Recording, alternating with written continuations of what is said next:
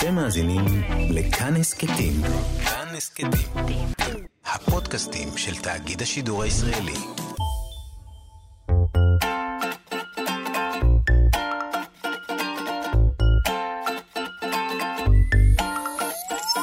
כאן תרבות מציגה. המעבדה לילדות ולילדים. ולילדים. לילדות. המעבדה לילדות ולילדים. עם גיל מרקוביץ. בשיתוף מוזיאון הטבע של אוניברסיטת תל אביב. שלום, זו גיל מרקוביץ'. אני שמחה לצאת איתכם למסע נוסף בעקבות שאלה. בכל פרק נשמע שאלה שעניינה מישהי או מישהו סקרנים כמותכם, שחיפשו תשובה. מהשאלה הראשונה נתגלגל הלאה אל שאלות נוספות, ואני מקווה שנצליח להשיב על כולן.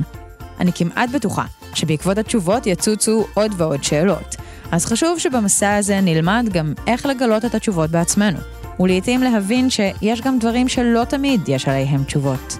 קדימה, בואו נכיר את השואלת הראשונה.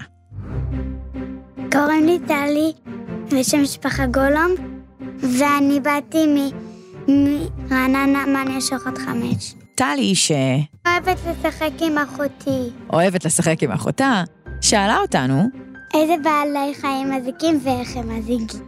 כדי לענות לטלי על השאלה, יצאנו לפגוש את דוקטור אופיר לוי. אופיר מומחה להשפעות אקלים על בעלי חיים. הוא מסייע בניהול נתוני העתק של אוספי מוזיאון הטבע של אוניברסיטת תל אביב. טוב, אז בעולם יש בעלי חיים רבים שחיים בהרמוניה אלה עם אלה. וחשוב לזכור שבעלי החיים אינם עושים דבר בכוונה להזיק, אלא תמיד פועלים לפי הדרך שבה התפתחו. הדרך הזאת מאפשרת להם לשרוד ולהתרבות. לדוגמה, אריות טורפים זברות, אבל זה לא קורה משום שהם שונאים זברות ורוצים להזיק להן, אלא כי הם צריכים לאכול בשביל לשרוד. יש עוד דוגמאות רבות לאופן שבו בעל חיים אחד שורד על חשבון חייו של בעל חיים אחר. כאשר בעלי חיים מסוימים גורמים נזק לאדם, הם נחשבים למזיקים. חזירי הבר למשל, נכנסים לעיתים לשטחים של חקלאים ואוכלים את התוצרת החקלאית. יונים גורמות לנזקים בערים כי הן מלכלכות, וברפתות כי הן אוכלות את הזרעים שמיועדים לפרות. עכברים וחולדות נחשבים גם הם למזיקים, מכיוון שהם גורמים לנזקים בבתים ומעבירים מחלות. בעלי חיים מזיקים נוספים הם כמה מינים של יתושים וזבובים, שמעבירים מחלות מאדם לאדם או מבעל חיים אחר לבני אדם. למשל, יתוש הטיגריס האסייתי. גם יתושים שאינם מעבירים מחלות נחשבים מזיקים, כי העקיצות שלהם מטרידות ולא נעימות.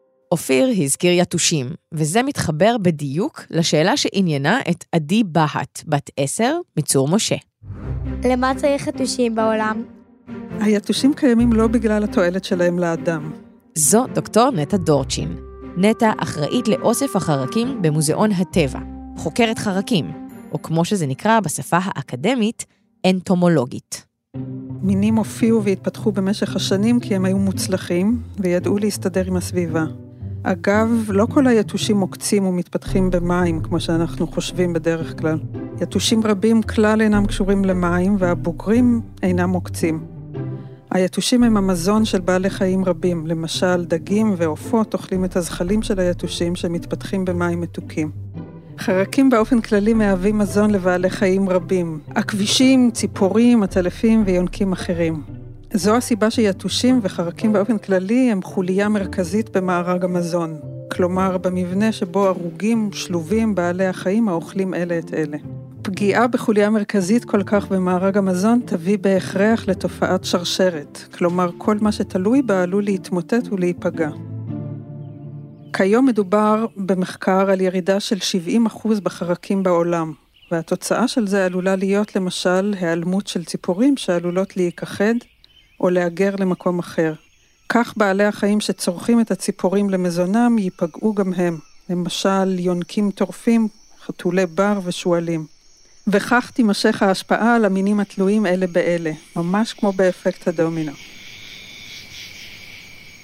טלי, שפתחה את הפרק, שאלה גם היא שאלה על יתושים וחרקים באופן כללי. למה חרקים באים בעיקר בקיץ? נטע מסבירה ש... יתושים וחרקים אחרים אינם באים בקיץ, הם נמצאים בסביבה כל הזמן, אבל רבים מהם מתחבאים או נמצאים במצב תרדמה או במצב של זחל, ולכן אנחנו לא רואים אותם בחורף. החרקים הם בעלי דם קר ומושפעים מהטמפרטורה שבסביבה. לא כמו האדם שהוא בעל דם חם, הוא מסוגל לווסת את הטמפרטורה של הגוף שלו ולהתאים אותה לפעילות גם כשבחוץ קר. ליצורים בעלי דם קר קשה לעשות זאת, משום שאין להם מנגנון להעלאה של הטמפרטורות, ולכן הם תלויים בסביבה. זו הסיבה שהפעילות שלהם היא בעיקר באביב ובקיץ, כשהטמפרטורות עולות. חרקים רבים גם קשורים לפעילות של צמחים מסוימים ותלויים בזמן שבו הצמח נמצא בפעילות, ולכן האביב הוא הזמן הטוב ביותר לפעילות של חרקים כאלה, כי הם מתעוררים באביב ומחפשים את הצמחים שלהם. הילדים והילדות שפגשנו שאלו שאלות רבות בנושא חרקים. קוראים לי אבישי צרפתי, אני בן שבע וחצי. אבישי שאל מדוע חרקים מפחידים, ונטע השיבה. באופן כללי, אנחנו פוחדים מדברים שאיננו מכירים או שאינם מובנים לנו. ורוב האנשים אינם יודעים הרבה על חרקים, אלא מכירים רק את אלה שנכנסים אלינו הביתה וגורמים נזק. ככל שנלמד יותר ונבין את פעולתם של החרקים, הם יהיו הרבה פחות מפחידים בעינינו. אחד החרקים שאנחנו פוחדים ממנו מאוד, למשל, הוא התיקן האמריקני. הוא בעל כושר תעופה, הוא רץ מהר, יש לו מחושים ארוכים והתנועות שלו אינן צפויות. אנחנו יודעים גם שהתיקנים הללו באים ממקומות מגעילים, למשל ביוב ופח אשפה, אז ברור שלא נרצה לראות אותם הולכים בכיור. זו כנראה הסיבה שהם יוצרים אצלנו רתיעה. ושימו לב, יש 4,000 מינים של תיקנים, מהם 20 מינים שהסתגלו למגורי אדם ונכנסים לבתים שלנו. רוב המינים חיים בג'ונגלים, וכלל אינם באים במגע עם בני אדם. הם שייכים לקבוצה טרופית, כמה מהם יפים מאוד, ויכולים אף להיות חרקי מחמד.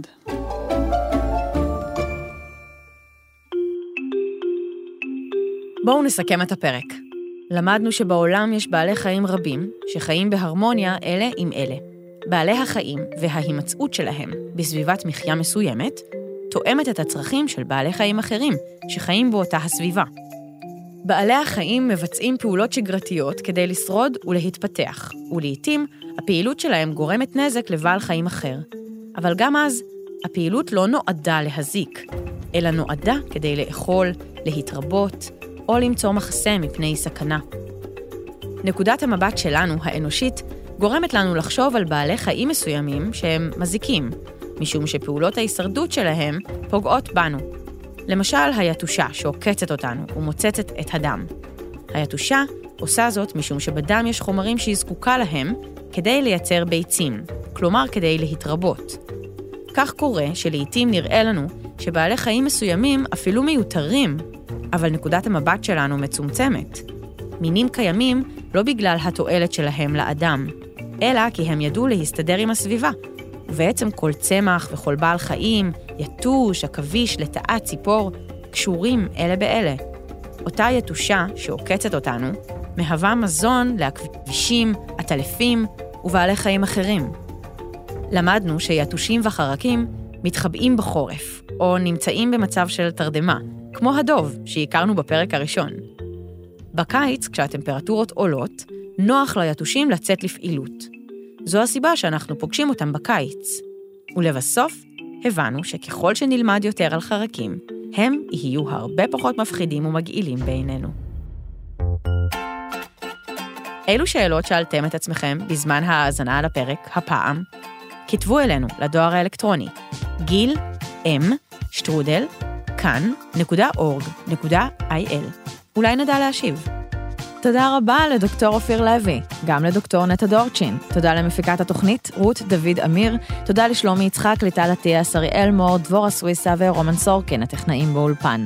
ירדן מרציאנו ואייל שינדלר הביאו את התוכנית לשידור. תודה מיוחדת לעורכי הסאונד שלנו, רחל רפאלי ואסף רפפורט, וגם לדוקטור סמדר כהן, עורכת שותפה ויועצת לשון. תודה לכם ולכן ששלחתם אותנו לחפש תשובות לשאלות מרתקות. אני גיל מרקוביץ', מזמינה אתכם להאזין למעבדה על ילדות וילדים גם ביישומון כאן. נשתמע בפרק הבא.